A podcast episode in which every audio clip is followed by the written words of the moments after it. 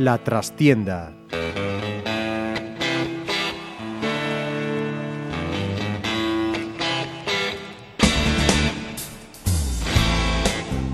Saludos amigos, os habla Ramiro Espiño en nombre de todo el equipo. Comenzamos una nueva edición de La Trastienda en Pontevedra Viva Radio. Y ganó el Pontevedra una nueva final. Lo hizo además de una forma convincente frente a un rival directo como el Racing de Ferrol, al que deja gravemente herido. Cierto que los resultados del resto de rivales no fueron los más favorables, pero también que si el equipo de Luismi mantiene el nivel y sobre todo la actitud sobre el campo, hay motivos para el optimismo y la esperanza. Mejoró también la asistencia a Pasarón y es que la afición granate sabe que su equipo le necesita y nunca falla en las grandes citas. Y sobraron los cuatro pelagatos de uno y otro equipo que utilizan el fútbol para dejar claro que cuando se repartieron los cerebros ellos no estaban presentes. De nuevo convocamos a nuestro Senado periodístico para debatir y analizar la situación del Pontevedra, lo que queda por delante, con curvas importantes y peligrosas en el calendario, y conocer, por lo tanto, la opinión de los queridos compañeros de la información deportiva en Diario de Pontevedra y Faro de Vigo. Cristina Prieto, Xurxo Gómez, Alex Dávila y Xaime Nogueira. Muy buenas. Hola, hola. Buenas. O, o de Senado, Ramiro, era porque somos gente elegante, pero senadores, non pintamos nada, ¿no? Senadores. un pouco máis que o Senado creo que pintamos afortunadamente. A trabajar vamos, desde luego. Tampouco é difícil, dito sea sí, de paso, sí, pintar sí, un pouco máis sí. que o Senado, ¿no? Pero vamos a deixar a política para outros. Bueno, partido contra el Racing de Ferrol. Opiniones. Bueno, pois pues, eh, como son o máis bello, como eh, sempre, empezo Sigue sendo o máis bello sigo, semana tras semana. Sigo, sigo, isto é terrible. Despois eh, de min. No, eh, obviamente, pero bueno, ti son moderador, entón Bueno, eu creo que todos vimos unha primeira parte na que o Pontevedra eh, co seu estilo e con matices dentro do, do, seu, eh, do seu novo estilo eh, controlou, dominou e foi superior en todos os aspectos do xogo a de Ferrol e creo que a iso de alguna maneira é o que nos agarramos para, para pues, manifestar o que acabas de dicir ti, non, Ramiro, ese optimismo de cara ao que resta a temporada e as posibilidades de conservar a categoría. É certo que na segunda metade o equipo perdeu metros e, e acabou metido na súa área, que o Racing de Ferrol chegou máis, que incluso dispuxo de ocasións, que Edu tivo que parar un penalti. Eu creo que foi un pouco consecuencia do grande esforzo físico que realizou 11 na primeira metade e que ao final pois é certo que hai determinados futbolistas pois que non lles dá gasolina. E iso, pois, ao final notase eh, pero eh, cos deberes feitos da primeira metade tampouco é que o equipo sufrise particularmente. Entón desde ese punto de vista creo que foi unha sesión moi positiva e o que debe de servir é para ampararse niso para crecer moralmente como equipo e obter mellores resultados xa non só en Pasarón senón fora da casa. Es indudable que bueno que la imagen, la imagen que, que dejó el Pontevedra es, es, muy buena, pero yo quizás voy a ser un poco menos optimista en este sentido, porque yo sé que Luismi dijo en la rueda de prensa que creía que había sido más eh, mérito suyo que de mérito del Ferrol. Yo no quiero quitar el mérito al Pontevedra porque hizo una primera parte que es probablemente sea la mejor primera parte de todo el partido, pero a mí el Ferrol me dejó muy... O sea, si yo, estuve, si yo fuera aficionado a Racing de Ferrol estaría muy, muy preocupado por la imagen que dio el equipo. O sea, es que el, la primera parte que hizo fue, fue muy, muy mala. Y hay jugadores como Jacobo Trigo que a mí yo no lo reconocía. Un jugador que, que aquí el año pasado fue entre los tres mejores jugadores de la plantilla. La imagen que dejó en Pasarón me, me dejó bastante, bastante eh, frío. Yo estoy de acuerdo más con Alex que con Jaime, ¿no? Eh, las victorias se valoran un poco en, en, cuanto al rival, ¿no? Y el Racing de Ferrol quizás no estuvo a la altura de, de otros equipos. De todas formas, Eh, la parte positiva es que en casa parece que estamos recuperando un poco la, la intensidad, ¿no? Y esa, igual entramos en una dinámica positiva después de ganar al, al Fuenlabrada y ahora al Racing de Ferrol y eso... Antes, ¿no? Son, es tercera victoria sí, consecutiva tercera en casa. consecutiva en casa. Entonces, ostras, pues eso también es la parte positiva. De, y no solo eso, también la sensación de que el equipo parece que empieza a encontrar una forma de juego en la que se siente cómodo, Fuera de casa es otra historia, está claro, pero por lo menos en Pasarón, pues entre que la gente anima un poco, está como que hay una reconciliación ahí a lo mejor, ¿no? Eso quizás es la parte positiva, es la lectura que yo más, más valoro de esto. Yo sí soy optimista porque veo que el equipo en casa está cogiendo eh, unas sensaciones y una velocidad de crucero muy buena.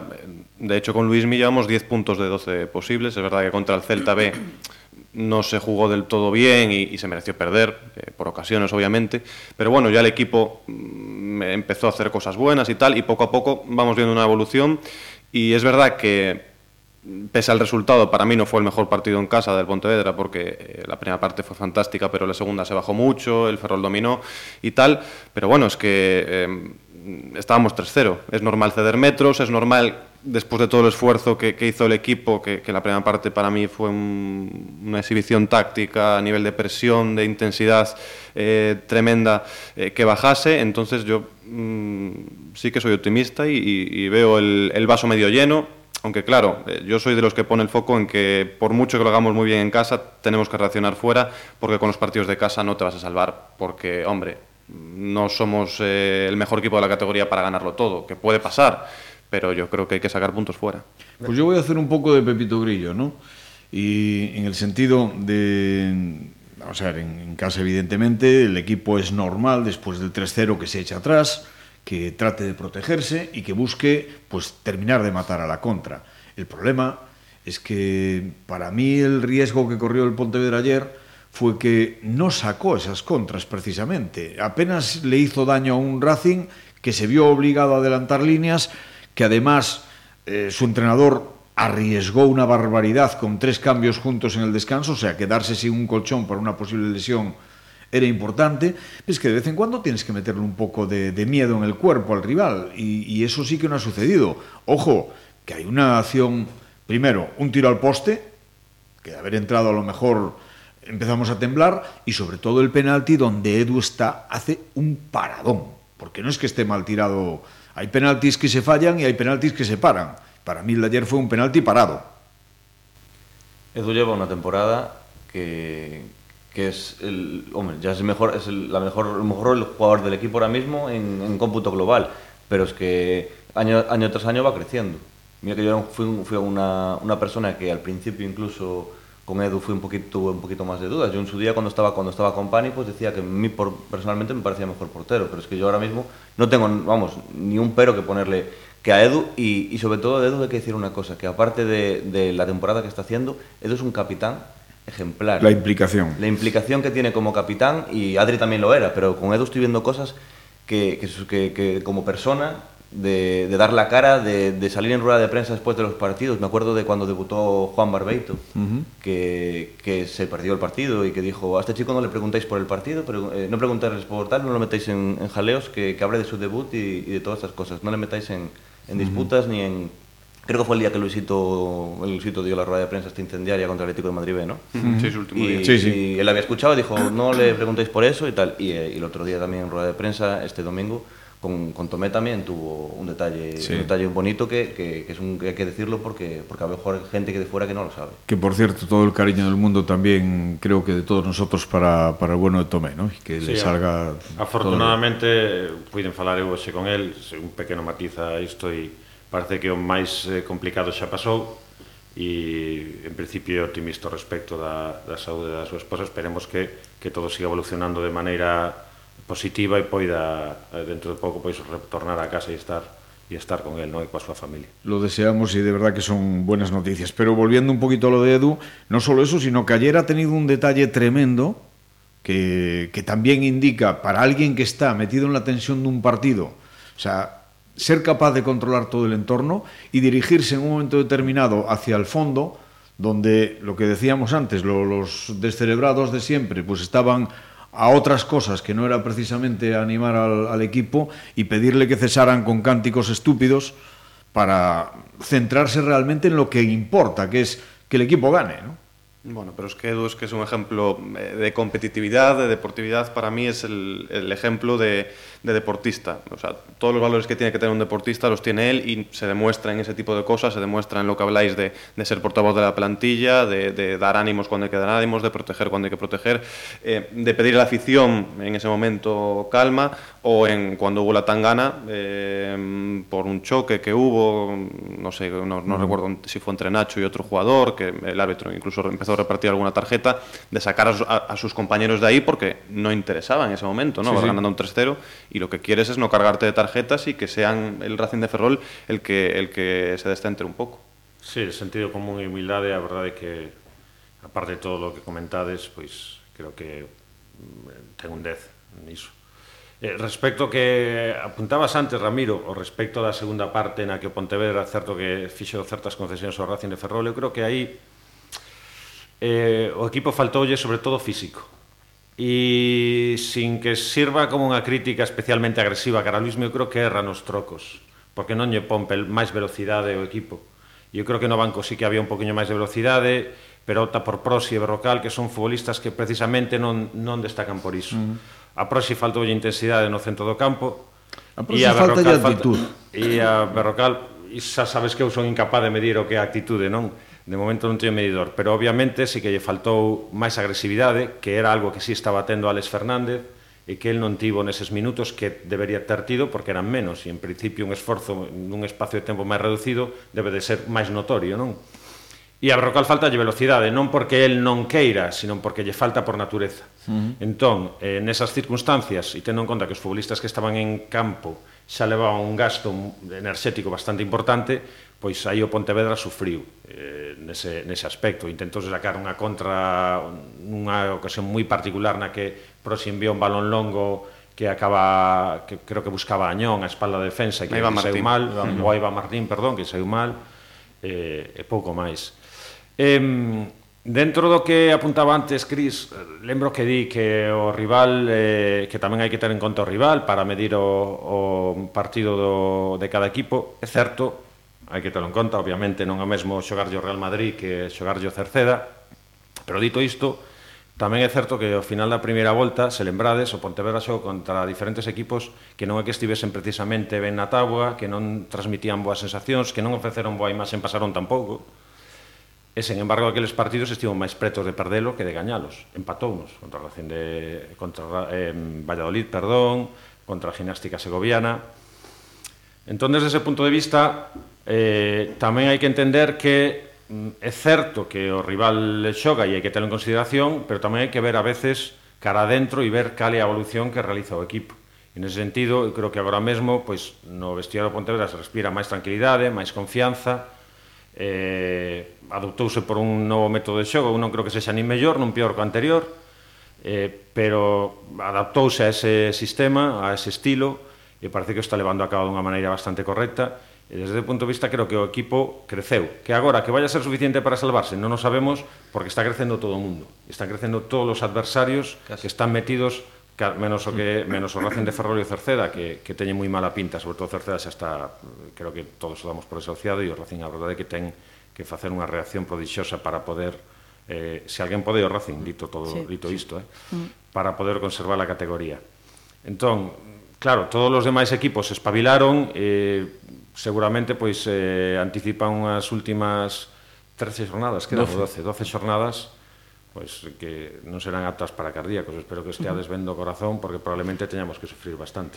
Eu aparte yo añado simplemente que tiene pinta de que Racing va a ser un rival directo por la permanencia, ¿no? Entonces, ahora mismo está jugando fatal, es verdad, pero tiene pinta de que puede ser un rival directo, o sea que ganarlo un rival directo por la permanencia también es un es otra cosa positiva que, es, que sumar a, a la victoria de ayer, quiero decir. Eso con la claro. Claro. No, y, y a ver, es, ver, es, verdad que el Racing no sale con la predisposición a lo mejor que tiene que salir con esa agresividad, pero yo también le pongo el valor al Pontevedra, ¿no? Es que el Pontevedra salió, vamos, eh, cambió el sistema, le salió perfecto, eh, el, Racing no era capaz de sacar el balón ni siquiera, o sea, eh, focalizamos mucho en que el Pontevedra ahora apuesta por un modelo de juego a lo mejor de tocar más, de tener más pausa y tal, pero ayer dos de los tres goles vienen por, por robos o por contraataques o por como le queramos llamar, o sea, por el trabajo defensivo del sí, equipo. por la presión tras pérdida. Por, ¿no? por la presión tras pérdida, eh, por tener agresividad, por, por, saber emboscar un poco, un poco al rival y en ese sentido eh, yo creo que es donde ha dado el gran paso el, el Pontevedra, porque eh, con Luisito obviamente el equipo pues destacaba por su agresividad, pero hasta eso se le había, se le había diluido en sí, las este últimas jornadas. Se le había perdido, sí. ¿no? Eh, ya apostaba por el fútbol directo porque no era capaz por la tensión a lo mejor de, tocar más y luego eh, defensivamente también tenía muchísimas dudas porque eh, todo el negativismo que había se le, se le, se le, eh, contagiaba y, no había por dónde cogerlo. Entonces, yo focalizaría en que sí, el equipo ahora toca más y tal, pero el partido de ayer se gana por agresividad, por saber robar y por un trabajo táctico que para mí es tremendo. Y sobre las contras, hombre, En la segunda parte no se salió a la contra porque yo creo que porque no había gasolina, evidentemente, porque Luis Mí a lo mejor no acertó mm, en los cambios, igual que para mí es un 10 en el planteamiento táctico inicial. Eh, pero el tercer gol viene de contra, no lo olvidemos. Sí. Viene una gran contra de Alex González eh, para Jorge Hernández. Claro, lo que pasa es que luego, si los dos jugadores con velocidad que tienes, que son Alex González y Añón, se te acaban y Alex González tiene que estar más pensando en tareas defensivas, es que no, no da para todo. Claro. Pero hai un aspecto que sí me preocupa, e debo dicilo aquí. Eh, o Pontevedra, cando defende en campo contrario, está relativamente cómodo. Relativamente, digo, porque haberá equipos que rompan esa presión e que che xeneren problemas. Pero non o está cando defende en campo contrario. Eu propio, sigo tendo moi... En eh, campo propio, perdón. Eh, sigo tendo as miñas dúbidas eh, nese aspecto do xogo. Eh, francamente, aínda que acumule futbolistas, que onte moitas fases do partido acumulou moitos futbolistas na súa área, ese é un aspecto no que debemos mellorar, porque vai haber moitos equipos que non sexan tan condescendentes como o Racing, ou como Cerceda no seu momento, o... e aí pode que o equipo sufra. Entón creo que é un aspecto no que no que preciso, non sei se hai marxe para que se mellore xa a estas alturas da temporada, pero A estas alturas sumarse para, para sumar puntos. Sí, Yo eu que conste tamén o que creo, pero é algo que me mejor, preocupa, eh. sí.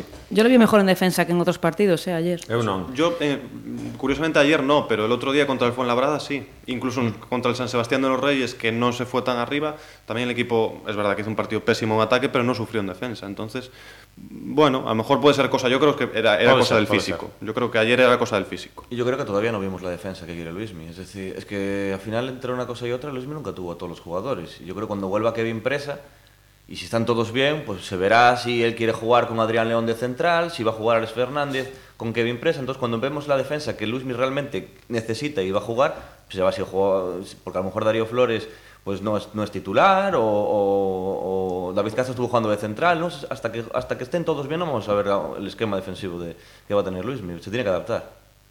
Hombre, ayer desde luego se fue a esa defensa de tres centrales, no sé si forzado por las circunstancias o no. Evidentemente Darío Flores, desde mi punto de vista, es un jugador lento pero con un oficio tremendo y jugando arropadito, con espacios muy cortos y demás, sí que puede imponer esa, ese carácter competitivo ¿no? que suelen tener los jugadores uruguayos cuando saltan a una cancha, o sea, son cancheros, y eso lo, lo sabemos, ¿no? Si ahí le ponemos por delante a Adrián León, a Kevin Press, evidentemente el Pontevedra gana muchísimo defensivamente, sobre todo teniendo en cuenta que para mí hay mm, dos circunstancias que con Luis me han, han sufrido una transformación absolutamente brutal. Pero la primera, la principal de todas ellas, es David Goldar, que ha pasado de ser un flan en defensa y de conceder todas las oportunidades al contrario y más, a ser uno de los mejores. Y viendo cómo está Goldar, es una pena que se fuera Bruno, porque Bruno estaba así, si, si hubiera recuperado también a Bruno y al nivel que estaba, que estaba en el año pasado, a lo mejor teníamos también una pareja centrales espectacular. De hecho, Bruno creo que marcó gol ayer, ¿no? Con el, con el Mirandés. Sí.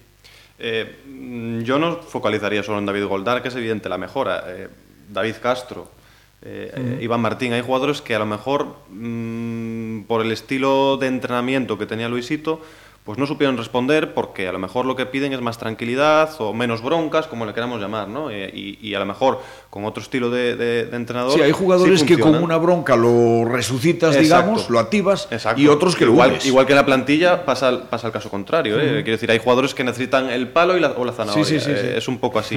y, y- y David Castro, David Goldar, pues est- están resurgiendo y es verdad que están funcionando muy bien ahora. David, David Castro, yo creo que nadie esperaba que diese este rendimiento tan extraordinario como central. A mí me vais a decir que tengo fijación. Yo al que sigo sin ver es a Prosi, repito. por actitud. Aunque Xai me diga que no tiene medidor de actitud, yo tampoco lo tengo evidentemente, pero sé lo que veo en el campo. Yo Y veo que sus compañeros corren y él ni sufre ni padece. Hace dos semanas dije aquí que me parecía un jugador recuperable por el sistema y, y después acabé, eh, después de ver el partido, sobre todo el que hizo en San Sebastián de los Reyes, ya no solo por el error, sino ya por la apatía que transmite. Apatía, exactamente. Eh, lo puse, lo puse en el, en el periódico, puse que, que, bueno, que lo más preocupante que me parecía con él es que me parecía una cuestión de actitud, porque aptitud yo creo que tiene. Cuando en, en pretemporada yo escuché muchos comentarios de, de aficionados diciendo desde la grada, ese mellor home que fichaches este ano. En, en Marcón hubo un señor que estuvo todo el partido diciendo que Prosi era eh, jugador de segunda división. Porque la verdad es que en pretemporada tiene una pinta maravillosa.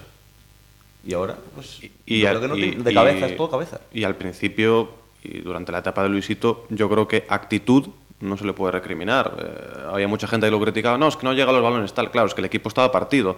Pero, pero sí, más allá de los dos errores que cometió el día del Toledo, que se autoexpulsó, y del penalti que hizo hace justo una vuelta contra el Racing de Ferrol, eh, estúpido, yo Prosi no le tengo nada que reprochar como aficionado mm, durante la primera vuelta. A mí por lo menos así me lo pareció. Ya, Me- pero yo, por ejemplo, en partidos como el de ayer, echo en falta que el cambio de tener que meter para oxigenar el centro del campo, que no sea un Mourinho, que será un tocahuevos, que será todo lo que quieras, que está protestando seguido y demás, pero coño, perrilla y se deja todo lo que tiene y más. De los cambios, que antes lo comentó Jaime, eh, fueron criticados desde la grada. Los, sobre todo Leprosi y Leberrocal hubo gente desde, desde tribuna que, que, sí que criticó los cambios, que a mí me sorprendió, digo, joder, vamos 3-0. Pero pues xa son aún, cosas personais das, dos afeccionados da grada. Bueno, yo, bueno, yo pero en este, caso, en este caso, a lo mejor, le, aquí le estamos dando la razón, que quizás no fueron los cambios más adecuados. Eu, a ver, eu creo que non son os cambios adecuados, pero tampouco creo que sexan xogadores que non serven. Ahora, é certo que mm, Prosi ten que mellorar no seu esforzo Da, antes apuntabades un aspecto importante do mundo do fútbol que é a actividade dos adestradores con determinado perfiles de futbolistas, é dicir, a resposta dos xogadores ante a bronca, hai algúns que precisan tranquilidade e outros que precisan que teña un adestrador permanentemente detrás, dicindolle o que o que ten que facer, exixíndolle e tirando del. Proxi dos segundos. Eh, David Castro, eh, non sei se Iván Martín, pero bueno, David Castro é o caso máis claro de un xogador que precisa serenidade, que lle digan as cousas tranquilamente, porque un tío moi tranquilo, introvertido, sereno, eh, que non lle que, que o único que lle podes producir con ese tipo de broncas é desquicialo, poñelo nervioso e, e mingualo como futbolista. A Prosi pasa o contrario, dá má sensación polo que levo visto esta temporada. Eu a Prosi, niso xa sabes, Ramiro, que non sí. estivemos de acordo eh, durante a época de Luisito se lle vin partidos nos que realmente me parece un xogador moi interesante. Moi interesante, na que tiña, é certo que igual non tiña brillo porque o equipo tampouco tiña, pero en balón parado houve unha época na que estuvo moi brillante, na que xenerábamos ocasións a raíz dos seus saques sí, de esquina. Sí, pero agora nin eso. No, no, agora, agora non ten... Agora nin a balón parado. Agora, entón, agora, agora precisa, el precisa facer eh, eh, tábula rasa, analizar eh, o traballo que está realizando e exixirse a sí mismo máis, porque senón vai acabar no banco.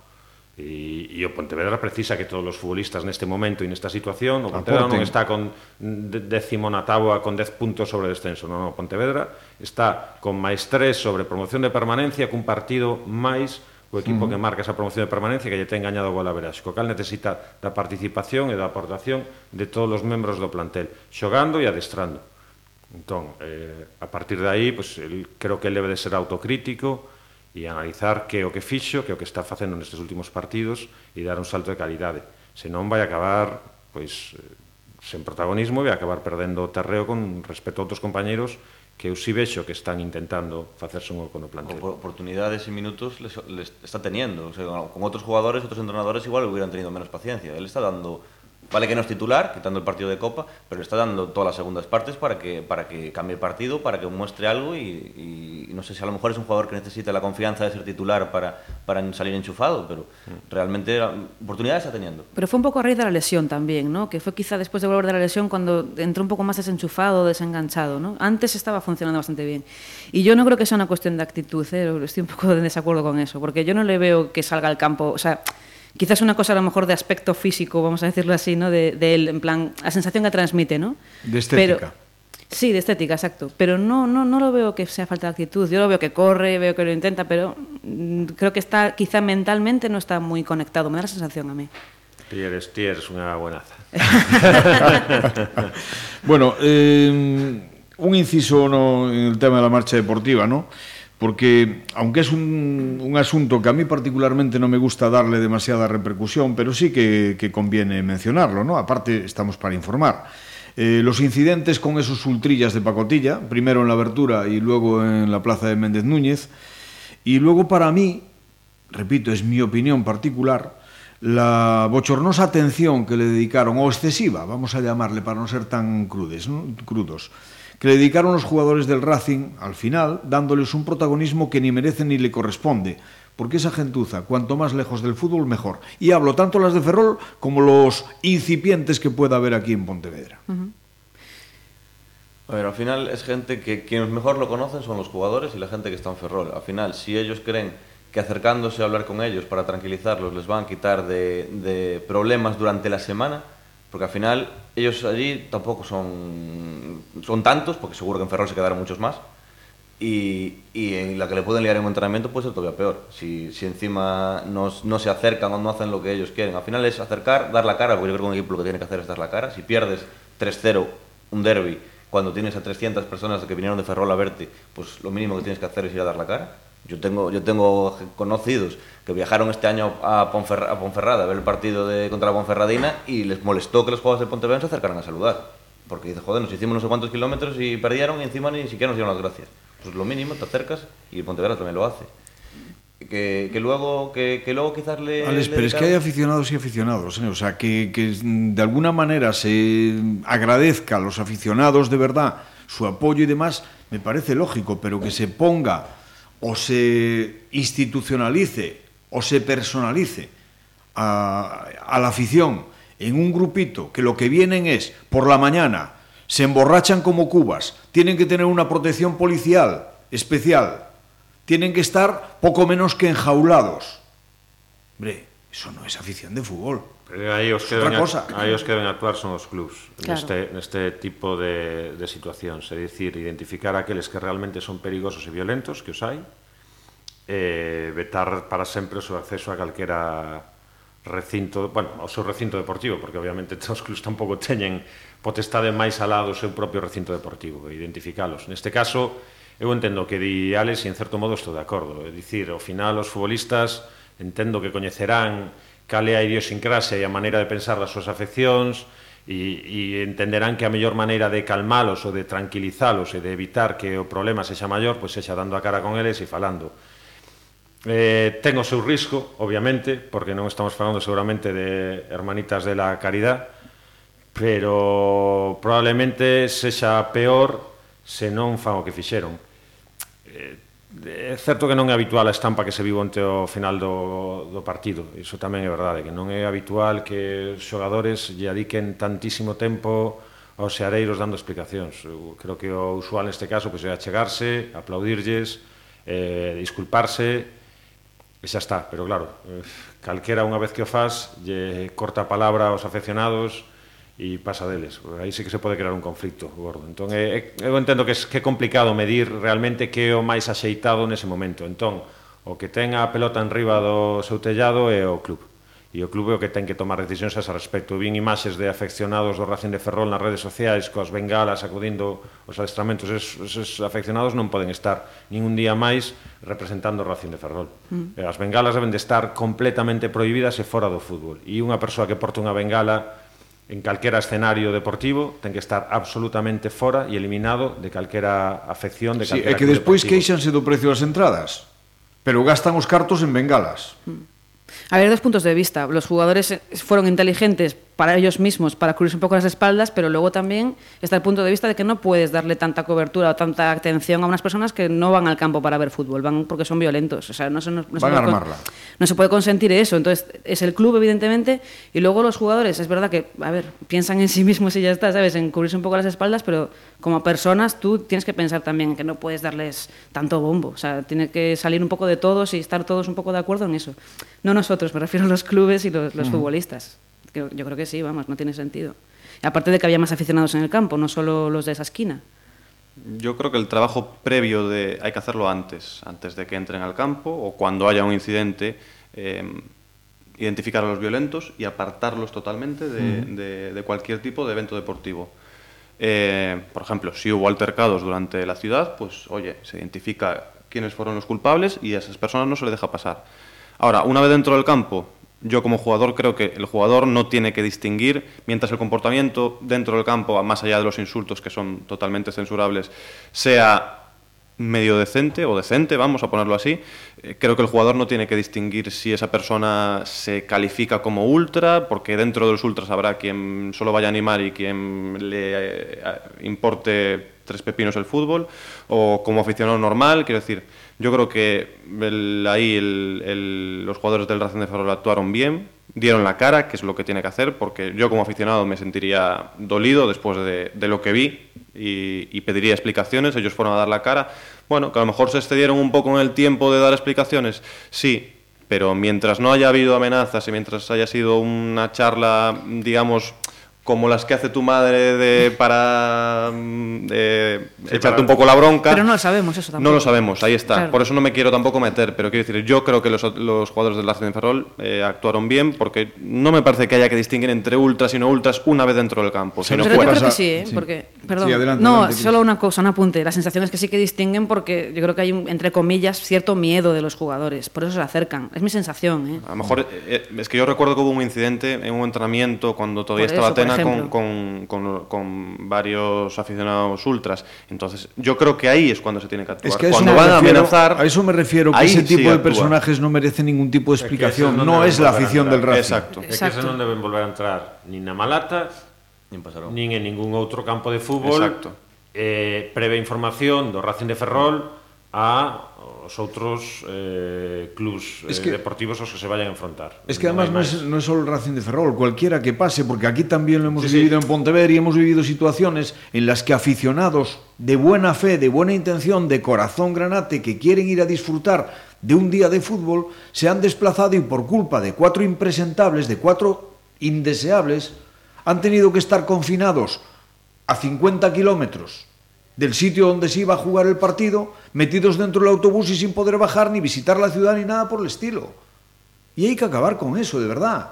O sea, dejémonos de historias de que si son los que animan, de que si son... Que no, hombre, que no. Que el fútbol no los necesita. Y ellos no quieren al fútbol. Pero bueno, eh, vamos rematando. 29 puntos. Hay que llegar a 45, o sea, quedan 16. 45 se supone que darán la permanencia, ¿no? Y quedan 12 partidos. Real Madrid-Castilla, Corucho, Fabril, Navalcarnero, Valladolid B, Segoviana y Atlético de Madrid, que es el último partido. Esos fuera fuera de casa. Y en casa nos quedan pues Rayo Majadahonda, Ponferradina, Talavera, Guijuelo y Unión Adarve. Eh, varios de los rivales directos. Teniendo en cuenta los números lejos de Pasarón, no es para estar tranquilos, se obliga a una rápida mejoría fuera, ¿no? No, no, Hombre, si consiguieran los 15 puntos de casa estaba casi hecho, pero... Tranquilos, no, yo no estaría ni aun consiguiendo los 15 puntos de casa, porque no sé si van a hacer falta 43, a lo mejor porque los equipos de abajo están puntuando poco, o si se quedan dos abajo mm, van a empezar a puntuar más y, y van a ser necesarios 45, 46, 47, nunca se sabe. Eh, por eso yo focalizo mucho en que sí, en casa el equipo está en una dinámica muy buena, está haciendo unos partidos muy sólidos, muy serios, está completando buenas actuaciones, es para ser optimista, pero hay que mejorar ya fuera, no es meter presión, es que eh, si no mejoramos fuera, para empezar que nos vamos a medir a rivales directos eh, como la Segoviana o el Valladolid B, que Corucho. o Corucho, que van a ser partidos eh, trascendentales y ahí hay que por lo menos arañar puntos. Entonces, si no se mejora fuera, no va a valer de nada que en casa hagamos, yo creo que ni incluso el pleno. La filosofía de, de, de Luismi, tanto en el Pontevedra, ahora en el, primer equipo, como en el juvenil, era un poco adaptarse a las condiciones que tenía en los desplazamientos en cuanto al campo, porque hay campos en los que no se puede jugar lo que quiere jugar en Pasarón. Y es cierto que tanto Bouzas como, como San Sebastián de los Reyes no eran campos propicios para hacer el fútbol que él intenta hacer en, en, Pasarón.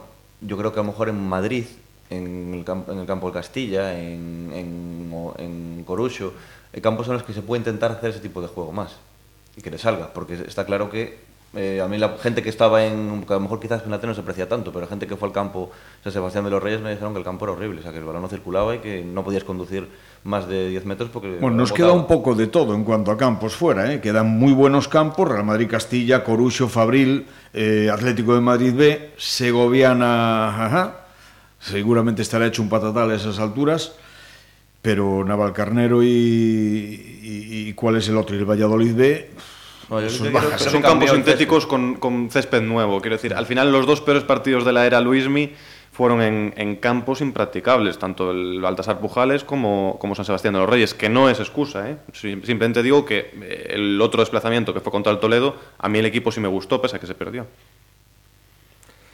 A ver, é obvio que co traballo da casa non, non vai a dar non vai dar porque eu creo que non vai gañar os cinco partidos e seríamos moi optimistas, excesivamente optimistas, entendo, se si creemos que Pontevedra vai ser capaz de gañar eses cinco enfrontamentos. Entón, obviamente ten que, que mellorar o seu rendimento fora da casa e os seus resultados.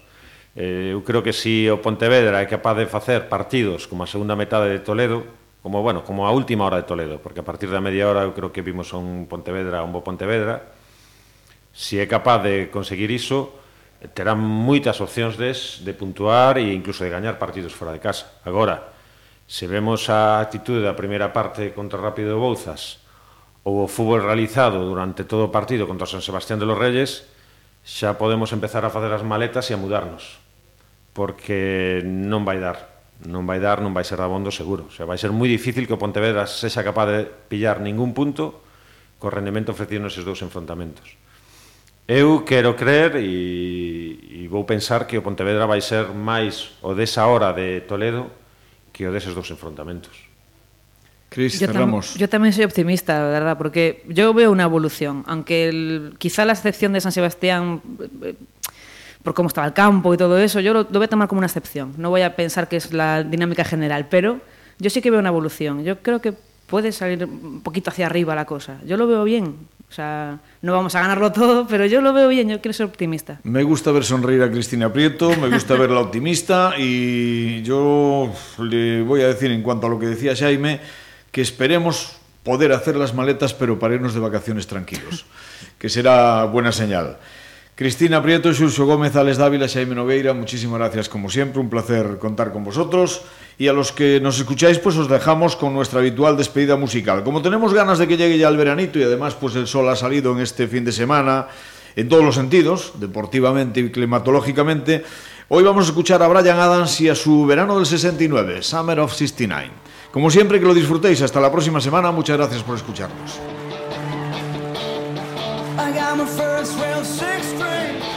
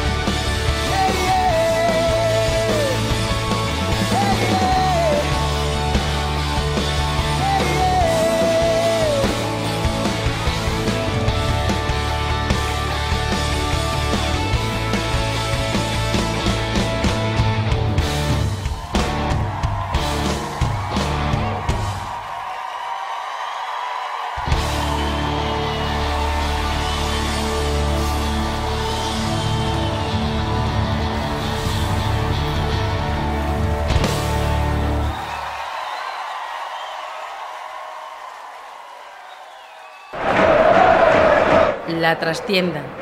Pontevedra Viva Radio.